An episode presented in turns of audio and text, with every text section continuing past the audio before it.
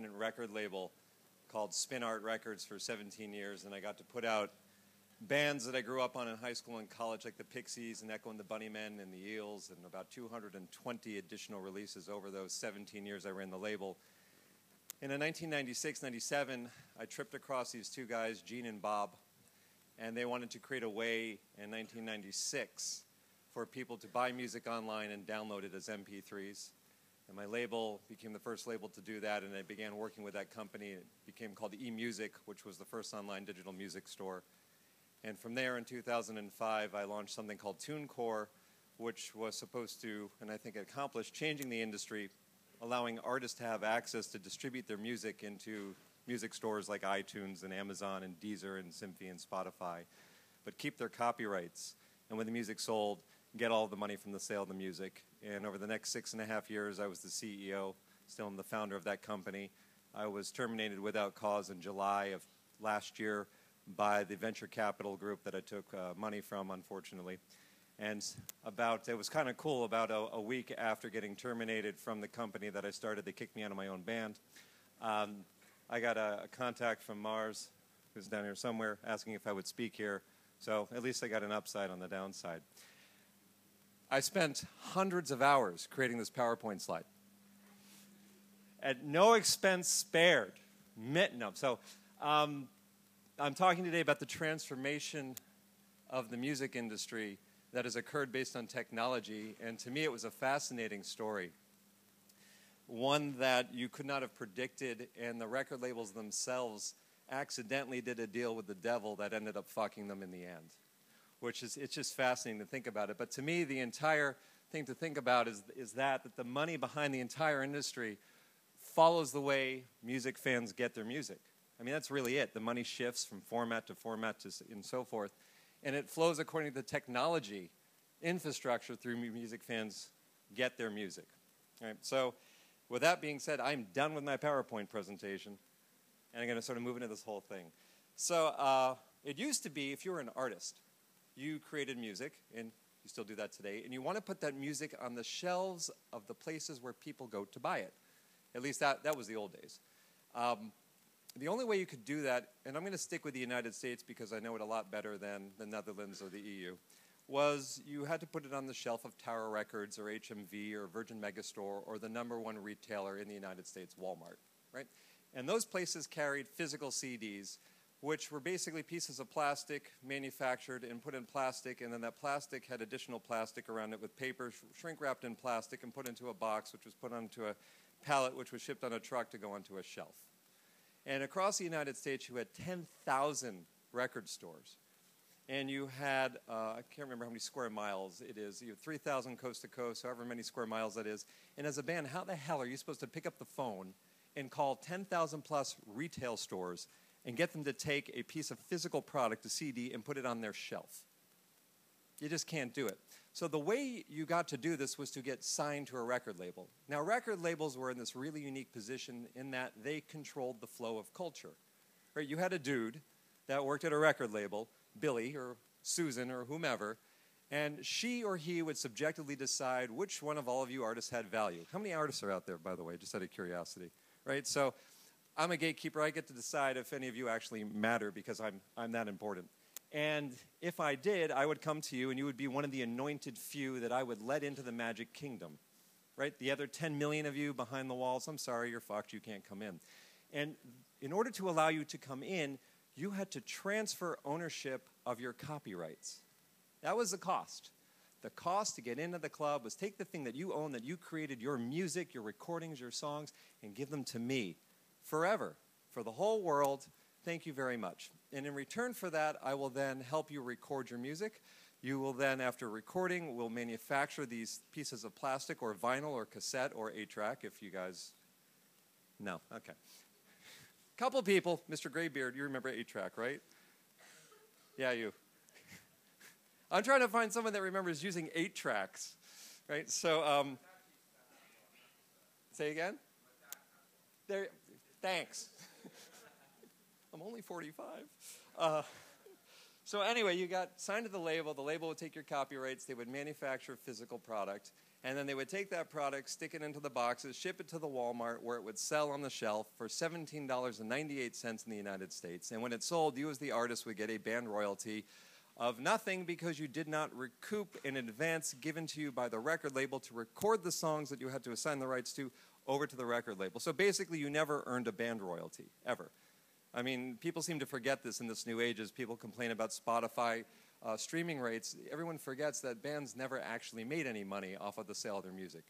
Of what the major labels released, 98% of them failed financially. Of the 2% that succeeded, less than a half of a percent of those ever earned a band royalty again. Right? They never made money off the recorded music. But back to this. So they would get signed, it would go out and it would sell, and the music consumers had filters as to what they had access to. They actually had two layers of filters. The first was the record label deciding who got let in, and the second filter was the media, right? MTV, commercial radio, and print magazines like Rolling Stone and Spin, when they were around and mattered, and in regards to music, would choose which of the artists from the labels to expose. So you had two layers of filters before the general consumer even had access to the music. So when you walk into a record store, you had this like sliver of the world's music available to you being shoved down your throat, most of it not succeeding anyway.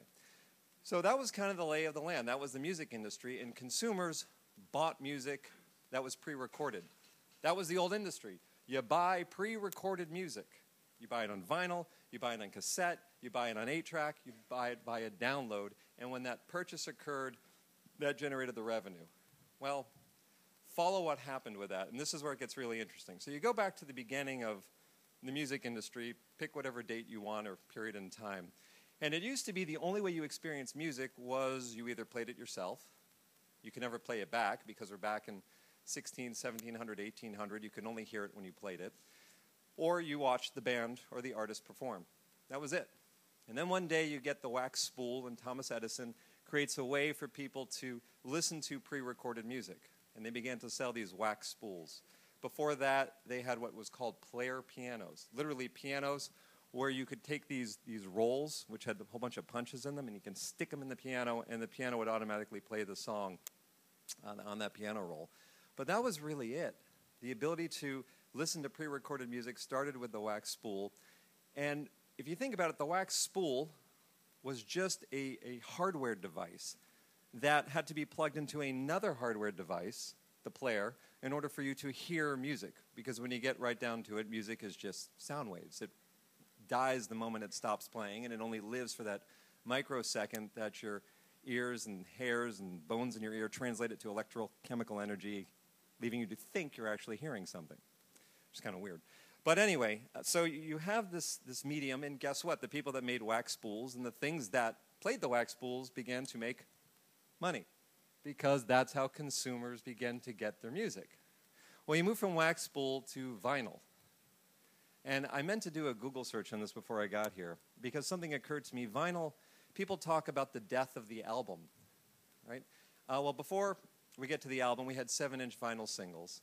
And really, everyone credits the Beatles with making the transformation from singles into albums. Whether that's true or not, smarter people than I will have to figure out. But people talk about the album. Well, the album is an arbitrary thing, if you think about it. The reason why an album is an album is because you can only fit so much, so many grooves on a piece of 12-inch vinyl before it gets crammed and it, you can't really hear it anymore. It's called groove cram. So the idea of an A side and a B side and an album having 12 songs and, and running for 40 some odd minutes isn't because that's what the artist wanted. It's because that's what the technology allowed. If vinyl happened to be 48 inches, we'd probably have much longer albums, right?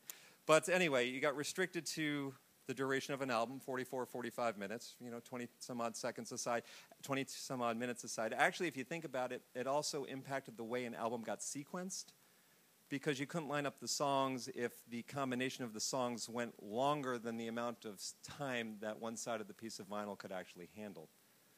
And for your father who had the 8 track player uh, on 8 track for those of you you guys know what 8 track is right? I'm not talking about what and never made it to Europe. Okay. So all right, so 8 track is a piece, I think it was a, it was bigger than a quarter inch. It was a piece of tape. It was like a cassette, only it had eight tracks on it. And you'd stick it in these really big players, it was big in the 70s, and you could click from track to track on it. And as you got to the end of a song, if the song didn't fit before the tape ran out, they literally would fade out the song. You'd hear this click, click, click, and it'd flip to the next track, and then the song would fade back up. It was a miserable listening experience. It was awesome. It's kind of like when CDs began to go in for, first began to replace vinyl. They actually did these really long pauses on the CDs between what was the A side and B side on albums, for those of you that remember when they first came out in mid late 80s when they began to get out there. You literally would have these 12 seconds of silence at some point on a CD between the A side and the B side, even though CDs have no sides. Anyway, so you move into uh, the way people were getting their music, and we move into vinyl, uh, the album. And then from there, people would listen to music, and that's the only way they could interact with it, by the way, is through listening to it in two ways. Turn on the radio, AM, FM radio, and listen to music, or alternatively, buy a piece of music or have a friend buy a piece of music, take this big schnorkin piece of vinyl, right? Then they have to bring it over to this big schnorkin hardware device, the turntable or record player, which only did one thing played big pieces of vinyl, put it on, put on the stylus, and then it would go and they'd have to have their system amplifier, speakers, and they could listen to it there. Wasn't really very portable, if you think about it. Couldn't really carry that shit around with you. So, you have one hell of a boombox and a generator. Anyway, you were restricted to the way you could consume music, and the only way you could consume it was by listening to it. Until the late 70s, up comes the Sony Walkman. So I remember I was in high school and I was a goth kid. I had black fingernails. I thought Morrissey was God. I had dyed my hair black and I had asthma and smoked clove cigarettes, which was fucking awesome. So I actually, if you have South Park here, do you guys get South Park? You got it? Right? I look like the goth guys from South Park. I did. Conformist. Okay. So prior to the, the advent of the Walkman, I remember I was in um, fifth grade and I went to school one day with a cassette of Stevie Wonder. There was a song called Sir Duke. And I thought it was the funniest thing because when you listen to the song, I couldn't figure out why it was called Sir Duke because Sir Duke only gets mentioned once in the middle of it. And I brought this really long cassette player with me and I brought it in and you press play and we listened to it. That's kind of the portability of music up to that point in time. So the Walkman comes along, and for the first time, I could take my music with me. For those of you that don't grasp that concept, I don't know how to communicate it with you beyond take your, your smartphone, take your CD players, throw them out, and imagine the only way you could have listened to music is on your car radio or your radio at home or on your record player. You couldn't go anywhere else to hear it because it's not the way it worked. And now I could take my, my tape of Echo and the Bunnymen, I could stick it into my, my fucking cassette player, and I could go to school with those big puffy headphones that sucked, and I could listen to it. And the portability of music really took off. Now, people talk about quality of the music, MP3s versus vinyl. Cassettes sound horrible. For those have not listened to a cassette, you should so you can understand how poor they sound. There had something called Dolby which came in, which would reduce the hiss in it, and it really sucked everything out, the high end, the low end. It just it was this, this neutral sort of band of, of, of music. But nevertheless, it didn't matter that it sucked because the convenience of being able to take it with me mattered more. And then I got the ability to put on more than just 44 minutes of music because we would have 60 minute cassettes, 90 minute cassettes. I would start making mixtapes and try to get people to sleep with me by giving them out, and it never worked. But I would do it anyway, and the point is, I could now increase the amount of music I listened to in the style I wanted to. I could begin to mix things up, and cassette sales took off. So prior to the advent of the Sony Walkman in the United States, cassette sales were 2% of the overall market. Most of it was vinyl. After that, within a year, it was 48% of all music sales were happening on cassette. A hardware device drove a platform, despite the fact that the music sounded horrible on it compared to vinyl. And cassette sales took off, and the money began to shift from vinyl towards cassette. And the same thing happened with those crappy eight tracks that I was talking about before. So as the consumer changed the way they consumed their music, so did the money. It still was kind of in the same ballpark, though.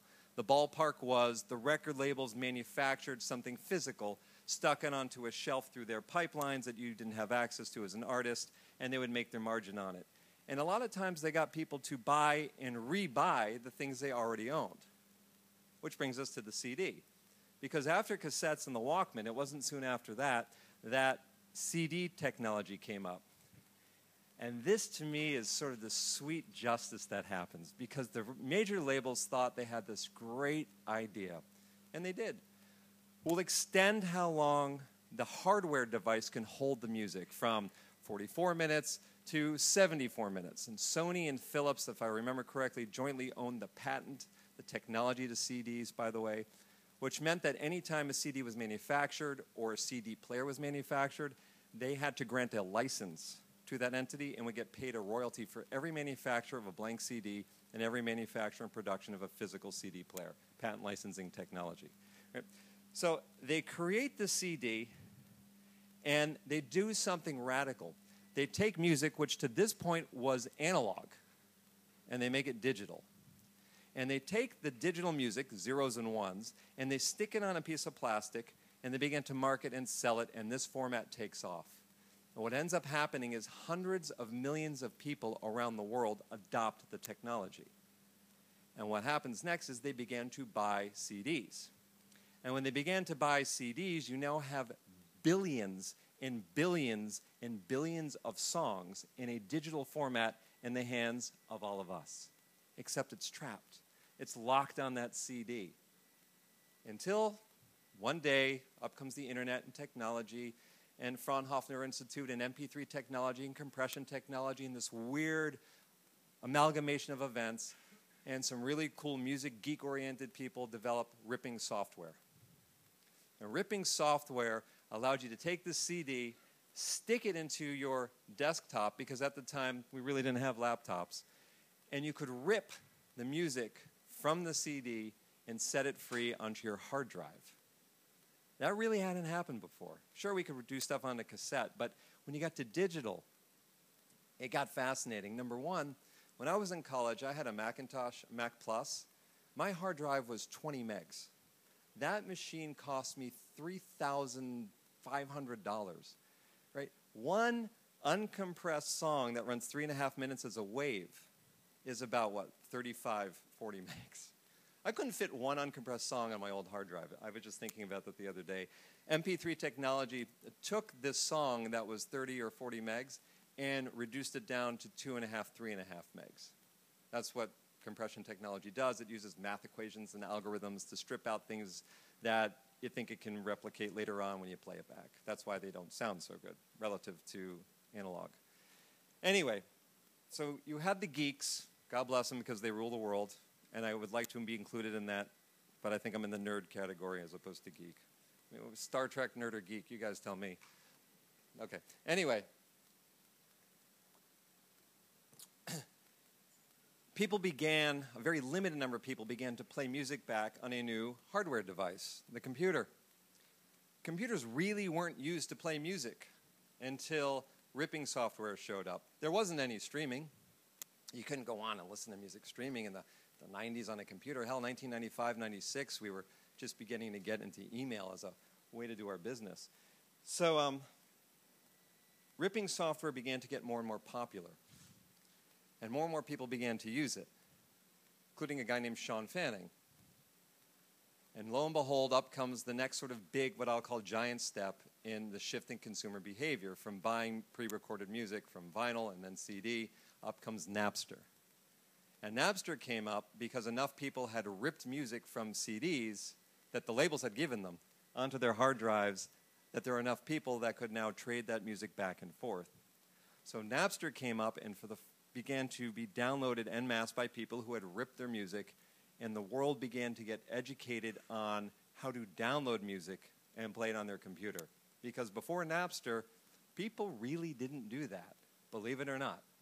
I mean, we didn't. The, the thought was very alien. I actually helped this, start this company called eMusic, and I remember meeting with this guy who founded it, Gene Hoffman, and he played a track off of a US, it wasn't a USB stick, it was a little hard drive, and it was astonishing to watch him play this one song on the, on the speaker system behind with this little thing. We're like, wow, that's fucking cool. Anyway, so people began to get trained in downloading music. And now we had hundreds of millions of people around the world who had ripped their music onto a hard drive and were trading it back and forth, and the cat was out of the bag on that. The music industry accidentally destroyed itself because once all of you had access to get the music, unlock it from a, a hardware device, and then find a way to trade it in mass, it wasn't like a cassette where you had to like real time record or do high speed, in which case it sounded horrible. You could click buttons, you could instant message it, you could email it, you can use peer to peer file sharing services, and the music was set free they were fucked. I mean, because if you look at that, they didn't have control over that. It's the way we all got to begin to get our music. So then the mad scramble, mad scramble became okay. Let's, as major labels, figure out how we can control that segment of the way consumers are getting their music, but they couldn't control it. You can't control the internet. You can't control freeware. You can't control open source. That's the whole point of it right? And they tried to lock it back up, but how are they going to lock it back up? Because every piece of recorded music that was ever manufactured and released by the major record labels up to that point in time and up to now continues to be released on a CD. And every time they release a CD, all someone has to do is pop it in their computer and click a button, have it ripped, and it's available for hundreds of millions of people around the world. They can't control the pipeline. So they kind of fuck themselves. What happened from there, as you move from vinyl into CD, up comes eMusic. And what's fascinating about eMusic, it was the first online digital music store, it also did another first.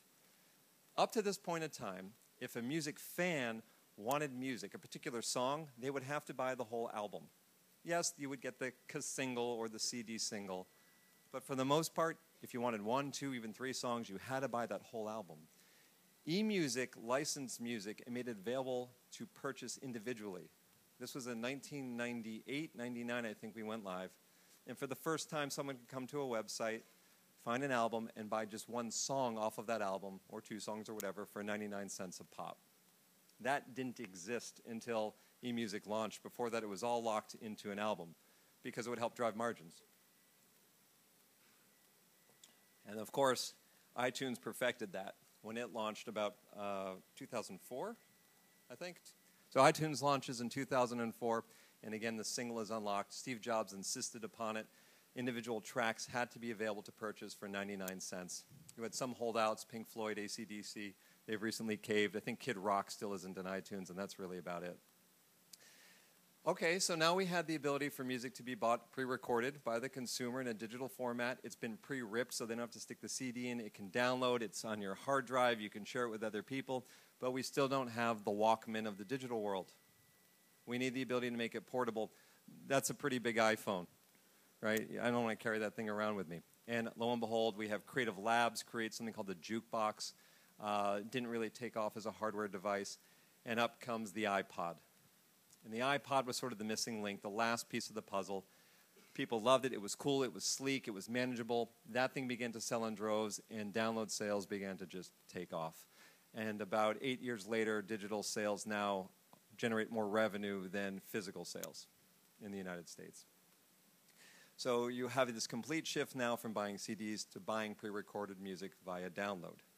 Well, the shift is happening again. The shift is happening because all of us, or most of us, have, at least I used to have one. There it is.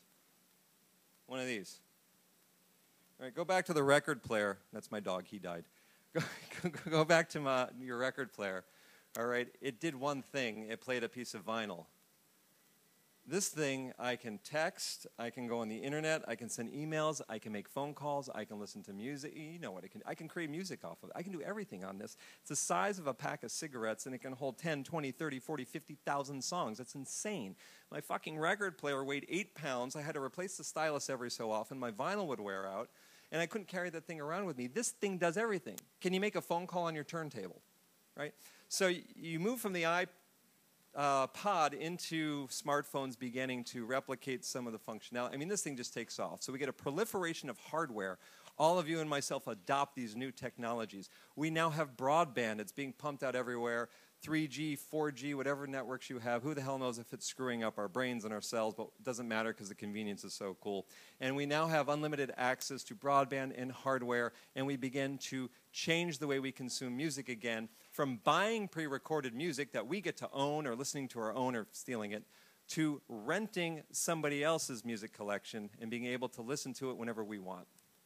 Rhapsody gets credit for that. So, Rhapsody was the first company in the world to go to all the major record labels and say, let's do a deal where we can let people listen to music on demand any way they like, but they don't have to own it.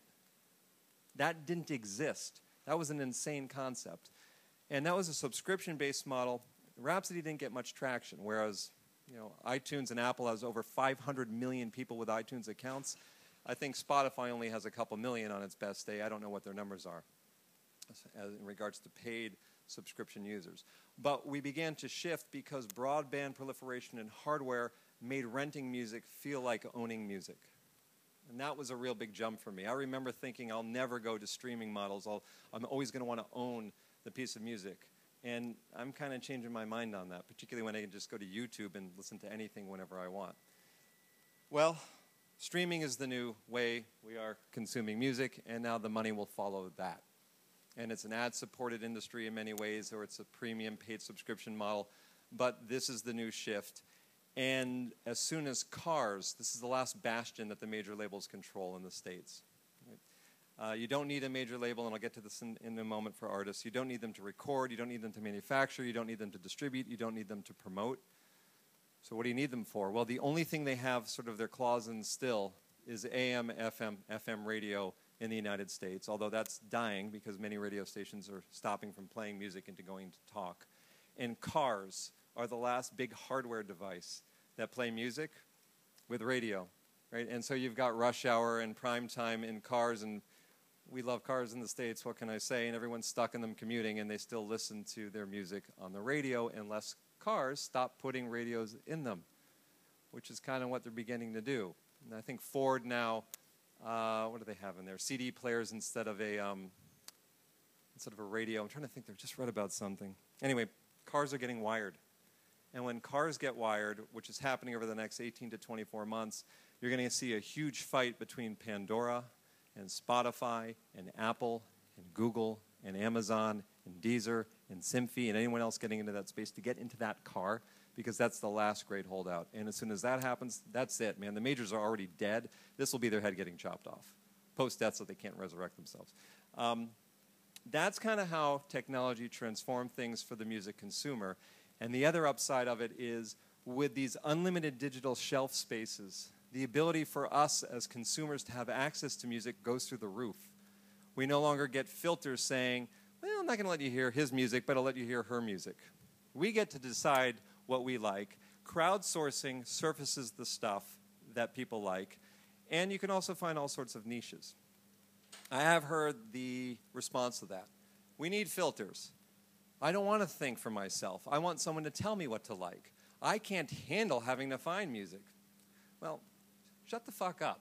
Why don't you go read what the major labels release and restrict yourself to that? All the rest of us will be over here looking for music and having our friends recommend it to us. And no, by the way, I don't agree that this person's music being on Apple's hard drive stops Radiohead from selling. So this idea of clutter makes absolutely no sense to me. The internet is about searching, it's about friend recommendations, and the fact that there's more music to be discovered doesn't stop good music from selling. It just increases the amount of music we think is good. At least that's my take on it. By the way, if there's any questions or comments then during any of this, feel free to just shout them out, raise a hand, or, or whatever. And then we move over to the artist side. So, how did things change for the artist now that we sort of changed it for the consumer? Well, you go back to the way an artist used to have to have a career. Number one, you had to own the expensive gear and equipment, you had to know how to play it, you had to record it, you had to make that demo. You would mail the demo off to the labels, in hopes that the A&R person would listen to it. You would play a gig. You would invite the A&R people to come see you play a gig, and you hope to God they did. The scout comes and see you play at the Mercury Lounge in New York at 7 p.m. on a Tuesday. Hey, hey, dude, gives you a card. You mail him a cassette. You follow up. You play again. The scout hopefully comes again, this time bringing a manager or director of A&R with them. And you work way up to the VP of A&R of Columbia Records. The VP of A&R gives a green light for them to sign you. A contract gets drafted, which is 20 to 30 pages. It goes to your now retained lawyer. Your lawyer and the record label negotiate back and forth until that contract gets done, anywhere from two weeks to two months. The contract gets signed. You get paid in advance on your future royalties. You take the advance to go into a studio and realize the artistic vision in your head, that dream. You rent the gear, the equipment. You record anywhere from two weeks to, I don't know, three, four months you get the recordings done, then you have to go and do the master, uh, the mixing, and then the mixing gets done, and then you have to go and do the mastering, and the mastering gets done, and then you get to do the photo shoot, then you get to design the art, then the CDs get manufactured. By the way, we're about a year and a half from when you first played at the Mercury Lounge. And the CDs get manufactured. Then you need four months lead time before the CD can come out in order for the record label to properly set the record up at press because print magazines needed three to four months lead time because they were working on the editions ahead of time. And you got to get the music video done. And then you manufacture the promotional CD single because you were taking it to commercial radio. And this stuff gets sent out three, four months ahead of time, two months. So you're finally about two, years after you first began playing the songs that just got released. And you're like, hallelujah, I can walk into the record store and see my CD on the shelf, I'm real. And it's like, no, dude, your, your career's just starting today. This is the beginning, this isn't the end. And unfortunately, for most of them, six weeks later, when the single doesn't pop at radio, they're dropped and they're done. And they're roadkill and it's over. And the artist needed to get onto the label because they couldn't afford the cost of recording. They didn't know how to use the, the gear and equipment. You needed specialists to come in. How many producers, engineers are in here? You're a, a, a unique few here, uh, right? Have his skill set. Um, people didn't know how to mix. They didn't know how to master. They certainly didn't have the money to do the photo shoots. They didn't know how to deal with the artwork. They didn't have the money to front to manufacture if you're going to sell 10,000 CDs, you need to make 10,000 CDs, right? That's an outlay of cash. And they needed the label for all of that. Then they needed the label for uh, marketing and promotion because commercial radio, print magazines, and MTV were the only way to get mass exposure. And of course, they needed them for distribution, tour support. Well, all that's gone to the wayside. Now, anybody can go and record music on GarageBand. I'm not saying it's good, I'm just saying they can. You can use your iPhone. You can do that as well, Android phone. Record something. Okay, so the cost of recording have dropped significantly.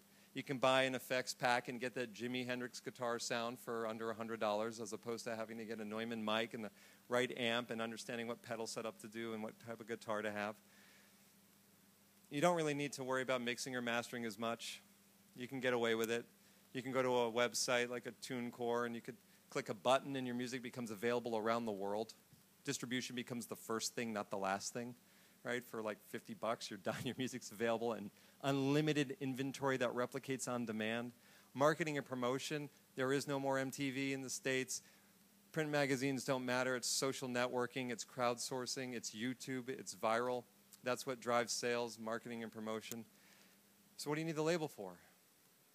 Some uh, big checks, nice, and every now and again someone still does that. But what was fascinating for me when I was at TuneCore When we started in 2006, we began to get these artists that weren't getting signed, and they would use the service, and they would move on to begin to sell huge volumes of music. I mean, I, I got to release the Pixies for God's sakes, and two kids in a bedroom in the Midwest upload a song about sexting called Blood on the Dance Floor and outsell. If you took every piece of product I ever sold on spinART Records. These two guys, Blood on the Dance Floor, sold more music with this EP than all of my stuff combined over 20 years. And they didn't spend any money on it beyond the recording. So you can just upload it and throw something on YouTube and tweet it. And if you're a guy named Liam Sullivan, you sing a song called Shoes, and it goes onto YouTube for 250 bucks and gets over uh, 60 million views and sells 3 million copies. So um, what began in 2006 is artists that were doing well got picked up by the labels.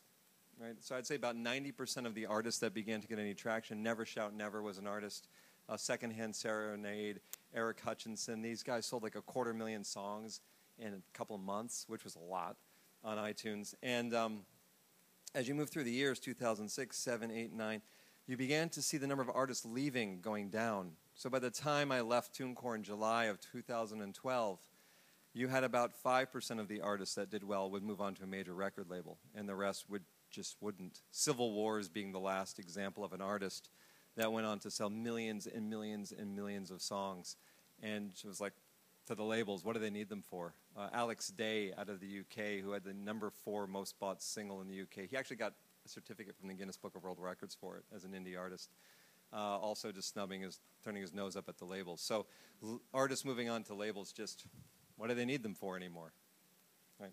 So, the transformation for the artist, transformation for the consumer, we've just disintermediated a 100 year old system. It's over from what it was. It's becoming something magical and something wonderful, but that system is dead. And this is what the majors have to come to terms with, which is why what you're finding with the major labels is they're releasing less and less and less music, not more and more. Uh, in 1998 99, the heyday of the music industry, where the majors controlled the pipelines, were releasing everything, really had everything locked up. Warner was releasing one release a day. That's 365 releases a year. TuneCore, when I left, was doing between 15,000 to 20,000 newly recorded releases a month. Okay, that's 100 years of the music industry in a month. Majority of music being recorded, released, distributed, promoted, bought, sold, streamed is now happening outside of the traditional industry. And the way they're dealing with it is by consolidating. It's like you had five goldfish in a fish tank and a lot of food up at the top, a little less food, so they eat one, now they're down to four. a little less food, Universal acquires EMI, now we're down to three. The traditional industry will always matter, right? We can't get rid of the Beatles or anything else. But the new industry is happening. I'm just checking the time to see how much time I have left. The new industry is actually emerging and it's coming from outside of that traditional industry. And what needs to happen next is all of you that are creating the music have got to find one roof to go underneath so we can aggregate the power of you to enact change and assure you're getting paid. The other really interesting thing that's occurred with the transformation is the way consumers interact with music. All right, this is sort of the, the sort of asterisk of things to look out for next. We used to listen to it, AM, FM radio, pre recorded. Now we use it.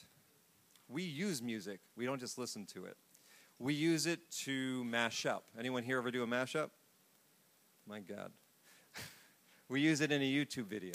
We make our own music video with it. We have scan and match locker services. The fan is now part of the ecosystem in a way they never were before. And what I find fascinating is the major record labels are suing the fans to stop using the music. Right? In the States, the RIAA is suing the music consumers. You can't use the music like that. You're just supposed to buy it. Live music? It fits where it always is, which is a great experience. And please go see bands live. But I was just thinking about scalability in digital. What else I find fascinating is in the old industry, you needed to tour. You had to tour. You don't have to tour now. I know it's sacrilege to say that, but I've watched so many artists generate so much revenue out of a bedroom without touring. So first they get famous and popular, and then they go on tour, versus the other way around. And I do, I catch a lot of heat for saying that. People disagree with me, but I've, I just watched it happen, I say. So now the fan is using the music, and you go to something like YouTube, which to me is the pinnacle of the new industry. YouTube is the number one destination site on the planet for music consumption. You could take Spotify, Rhapsody, Deezer, Simfy, anything else, Pandora, you can add them all up. And the amount of listens those companies together get is YouTube's here. They're still down here. You can find anything on YouTube. And what's fascinating about YouTube is if you can figure out how many times your music is being played as an artist in a YouTube video, you can literally almost click a button and start getting paid off of it. The music fan can now use the music in a video. And the artist isn't going to stop that behavior, so let's monetize it. And that's what I'm focusing on next, by the way. The ability to monetize the use of music by the actual fan, because to me, that's the new ecosystem. Instead of buying pre recorded music, you get fans that get the music either through peer to peer file sharing or download or however it might be, and then they use the music. And they don't want to rip it off, from, rip, take away money from the artist or screw them. It's just how they use music. Well, if you can find a way to monetize that, everybody wins. And really, that's what the YouTube system is. And the way YouTube works is you've got two different segments of it. And I'm fascinating. I'm like completely YouTube obsessed at the moment. You've got claims and you've got channels. So if you take a video of your fingers wiggling, you own the copyright to that video. It's yours. No one else can use it. You go to YouTube, you upload it, you're granting YouTube permission to allow other people to watch your video of your fingers wiggling. It's your copyright. If you want, you can become a YouTube partner. When you become a YouTube partner, YouTube slaps advertisements in front of your video and they share some of that ad revenue back with you. Anyone can become a YouTube partner. If you take that same video of the fingers wiggling and you put music into it, let's say you have the song I Will Always Love You, which I'm sure you all listen to religiously, and it's in your finger wiggling video. You've now just introduced two additional copyrights. There's now three copyrights in that video. One for you because you control the video of the fingers wiggling. One for Arista Records because Sony owns Arista. Arista hired Whitney Houston to sing a song called I Will Always Love You. The recording of that song is owned by Arista Records, so they own the copyright to the recording. And the third copyright goes to Dolly Parton because she wrote the song I Will Always Love You that Whitney Houston sang. So all three of those people, entities, have to say, yeah, it's totally cool to use our copyrights in the YouTube service. And if all three say yes, YouTube goes, great, I have a new piece of inventory to slap an ad in front of. Right? So that's other people's videos using music by an artist in them. And that generates somewhere between 50 cents to $1.25 per 1,000 views. So if you happen to have a very popular finger wiggling video that gets 50 million views, divide 50 million by 1,000, multiply that by 75 cents, that's about how much money that will generate for the entity that owns the recording and for the person that wrote it. Then on the other side of the coin, you have something called a channel. And that's the second way you make money on YouTube. A channel is when you control all the copyrights in the video. So if you have your fingers wiggling and you write a song and record it, you own all the copyrights in it.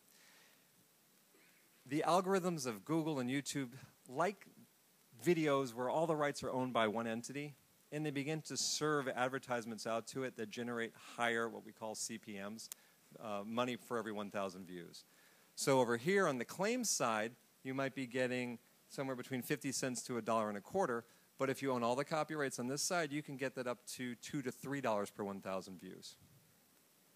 Now, what gets really interesting is if you happen to upload a video to YouTube and it gets a lot of views, and you upload another one and it gets a lot of views, and you get enough views going, that CPM, that two to three dollars, goes up to four, five, six, seven dollars. And if you get enough views on your channel, YouTube will allow you to start doing what they call direct ad sales. Instead of YouTube shoving all the ads in front of your videos, you can actually take some portion of those views, put them to the side, pick up the phone and call Pepsi and say, hey, Pepsi, want to advertise against some of my video views on YouTube and do a direct ad sale. And the amount of money you can get per 1,000 views can go up to 10, 20, 30, 40 dollars per 1,000 views. There's, for example, a entity called Machinima it's a YouTube channel. It shows videos about video games. It gets over 2.2 billion views a month on its videos. Right? It's doing hundreds of millions of dollars in ad revenue. Vevo. Vevo is owned by Sony, Universal, and EMI, and it licensed the rights to official music videos, put them under its umbrella, and it shows all these music videos on YouTube and on its own website, vevo.com they're doing over three, four hundred million dollars a year on the ad revenue that comes from people watching these videos on YouTube. So I'm fascinated with YouTube, and that's my next project. One way or another, I'm going to create something that will allow an artist to click a button and get all the money that they're owed from the use of their music on YouTube, as well as allow them to take their official music videos, put them under what we call a network, so I can add together his views, his views, her views, take all these artists' views under one umbrella, and allow them to make more money than they can make on their own. And that's where I see the future going next, is monetizing the use of the music by the music fan through the streaming model and this connectivity being subsidized by advertising. That doesn't sound very sexy. Somewhere in there, people are still playing live shows and getting laid. So, they have to be. So, with all that being said, um, are there any questions, thoughts, or comments? Because I'm not that good.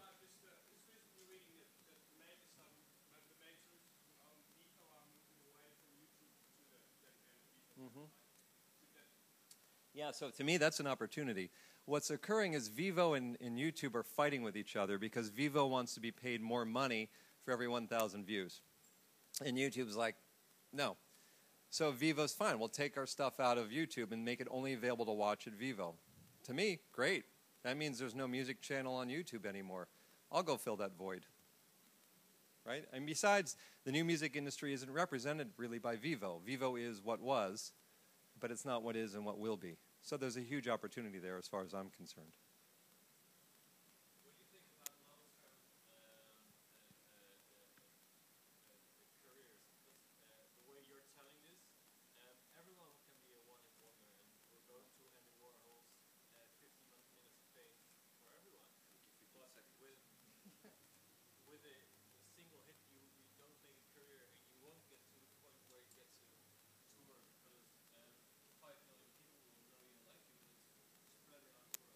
So the, the, the question for, that, if you didn't hear it, was Has this new environment created the inability to have a long term sustainable career? Is that, and you know what? I kind of agree. Uh, the days of Led Zeppelin kind of over. I mean, it's just true. We had this weird period in the music history, and it was about 10, 15 years where you got Led Zeppelin and you got Journey, or take your pick. Sorry, I said Journey but they still sing their damn songs. Um, you know, the Byrds or whatever it might be. If you get to the to the '90s, what was fascinating about the '90s is you had this consolidation of the music industry under multinational corporations. So the trend that you're discussing actually started a lot earlier than now. If you think about the music that was released from 1994 95 forward, you're not going to really have too many box sets from the bands that were released. For example, uh, what do they call? What was that horrible Bloodhound Gang. All right, we're not going to have the Hooray for Boobies box set. That was the name of their album. That was not the name I gave it. Uh, we're probably not going to have the Pink box set, like we have the Byrds box set or the Beatles box set or, you know, Lynyrd Skynyrd or Crosby, Stills, Nash and Young or whatever it might be, because the majors began in the mid '90s because they were they were sort of glommed together, owned by multinational corporations to the to the point where you had Universal Music Group owned by an entity that made soft drinks out of France. Uh, they had quarterly earnings that they had to, to meet because most of them were publicly traded companies. I think Bertelsmann being the one exception. And when you have to make quarterly returns on investment, the idea of taking an artist like Bruce Springsteen and waiting four years before he pops isn't really a good return on investment. You need to start generating that cash more quickly. So you began to manufacture what I call the Twinkie the Twinkie, to me, is, the, is a mass consumable product which isn't really full of much substance that we can all down at least once. Right? And so you began to get, starting in the 90s, the lack of artist development. And their long term careers went to the wayside. And yeah, I think that problem is going to exist. I think that smart artists will find ways to do new things. Look at uh, Dre and Beats headphones as an extreme the whole point of the music industry is to monetize fame. And there's different ways to do that. There's songwriting, publishing, there's the recordings, there's the image, there's sponsorships, there's gigs, gig income. But it's no longer about releasing albums once every year, year and a half. It's about a constant stream of media that you're putting out over a period of time to the point where you can be Perez Hilton, uh, who was a blogger about celebrities, and now he's famous. Right? So it'll be interesting to see how it shakes out, but I just don't see artist development happening the way it, it did in the past. Sadly, happily, or whatever. Anything else? Hi, I wanted to go back to the, the concept of scalability that you introduced. It, it, there is money out there on YouTube, on Spotify, on Deezer, and all that, but the scale doesn't seem to be there at the moment. Do you think that at some point it will be there in terms of revenues that will flow back into into the ecosystem? Okay, so the, yes, the short answer for me is yes. Uh, there was a report, and I, can pull up on my computer, that Cisco released in the U.S. about the number of U.S.-based homes that were listening to streaming music through home systems.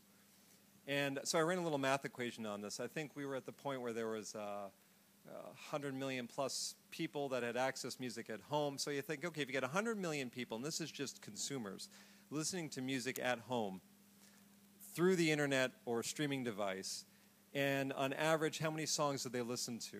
I figured 10. Some will listen to none, some will listen to a lot more. And then you begin to do the math on that. When I was at TuneCore uh, years ago, Spotify was generating 0.008 cents, so 8 one hundredth, 8 one hundredth of a cent, 8 tenths of a cent for uh, every stream. And that was for both the royalty owed to the person that owed the recording and to the entity that controlled the publishing. And if you multiply 0.008 by a trillion, it actually gets somewhere in the neighborhood of, I don't remember how many billions it was. And the revenue that's going to be generated from streaming is shifting as we sit here. As advertisers move to where the consumers are, because that's where they want their ad dollars to go, that 0.008 is going to grow. So, yeah, I believe the opportunity is quite huge, and I think it extends beyond that. For example, there's a company called TuneSat, T U N E S A T. And what they do is they digitally fingerprint a recording of a song and they real time monitor global television to find every feed of 250 plus television stations from around the world. And they mash the fingerprints of the recordings up against the TV broadcast, and they're able to identify in real time the use of a recording and the underlying composition, the publishing that's occurring on television. All of a sudden, the performing rights organizations, they're called PROs, have a problem because they've been underreporting in the United States because they don't use the same technology. They audit and they sample versus getting actual real uses. Once you can begin to detect the use of music, he or she who can audit the consumption and use of music will win. And in the digital world, it's all auditable. TuneSat expanded that technology, so here's another income stream. And they began to crawl the internet. So you can go to TuneSat and upload a master recording, they fingerprint it, and they crawl the net to find any website that uses that music. That website could be YouTube, that website could be Microsoft.com. And they did some tests with their own catalog, and they had 5,000 places online that were using their own music. They have like 2,000 songs that they control the rights to for the world. They, these guys are songwriters, Chris and Scott. They wrote the theme song to the NFL for Fox Television. They wrote the jingle for Have a Coke and a Smile. So they have this music that they seeded out there. They found 5,000 places using the music. They whittled it down to 312 out of the 5,000 were commercial uses. They should have known better. Toyota.com, Microsoft.com, uh, used car dealership, or whatever it might be. They sent out one email to these places saying, hey, thanks for using our music on your website. You kind of got to have a license to do that. Here's a little shopping cart button for the retroactive license and three and a half weeks later, they got in a quarter million dollars. I love the idea that you, as an artist, can go to a place and upload your music and have it fingerprinted, and then have the use of the music on YouTube and the rest of the internet monetized at the click of a button. And as people use that music more and more, there's more and more money out there that will exist. And that's on top of the interactive and non interactive streaming services. I'm just waiting for Apple to launch its answer to Pandora in a sort of non interactive, pseudo interactive streaming service combined with your iTunes Match service. It's going to be fascinating because they have a pre built fan base of over half a billion people with iTunes accounts. They've just expanded into more countries around the world. They've got the hardware device in your pocket. You just wait until the cost of music is bundled into the cost of the hardware. So when you buy the iPhone, it comes with the service with it. This is what Nokia Comes with Music was about, or Cricket Mobile, which is in the northeast of the United States, has a cell phone that when you purchase it, it comes with unlimited music. So the consumer doesn't even feel like they're paying for it because it's part of a bundle. That's when shit gets, get, gets insane. So, yes, I do believe that volume will offset it. And I also believe if you remove the middlemen, between the artist and the consumer, as many of them as possible, more money will filter back, allowing people to make enough money to have a sustainable career. You had a question? Uh, how about new gatekeepers? For example, um, in Spotify there is a What's New um, Yeah. uh, a page, um, which obviously uh, gets directed by someone who puts in place certain albums for certain countries, or like you have to listen to these or There- whatever. a- power is seductive. I mean, there's no way around it. I've had people tell me how I was the antichrist because TuneCore controlled too much market share. Hopefully, um, the new business model requires the entities like a Spotify or a TuneCore or whatever to keep it honest. Because if they become gatekeepers where they begin to surface music that people don't like, they're going to lose the consumers. Alternatively, if you're a new music company, which I think the new music company serves the artist as opposed to exploiting the artist, if you get too far into the exploitation realm, the artist will leave you to go to another company. Where are you guys? What's the name of your company? Sorry? Yeah, they'll go to, you know, they'll leave TuneCore and they'll go to Songflow because someone will always be there. So the business models of today actually are kind of kept honest by the people that use them. In the past, we had no choice, right? We had to go to the record store and we had to buy the piece of vinyl or CD, even if we didn't like it. There was no other way to do it. But now we have choice. If Spotify starts sucking, I can assure you there will be somebody on their heels that will replace them. At least that's my glass half full optimism. Yes.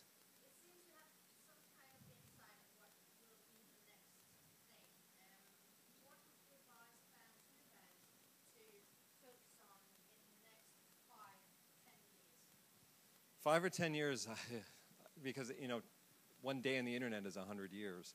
Um, for bands now, it's the the challenge now is it used to be you knew what you were shooting for as a band.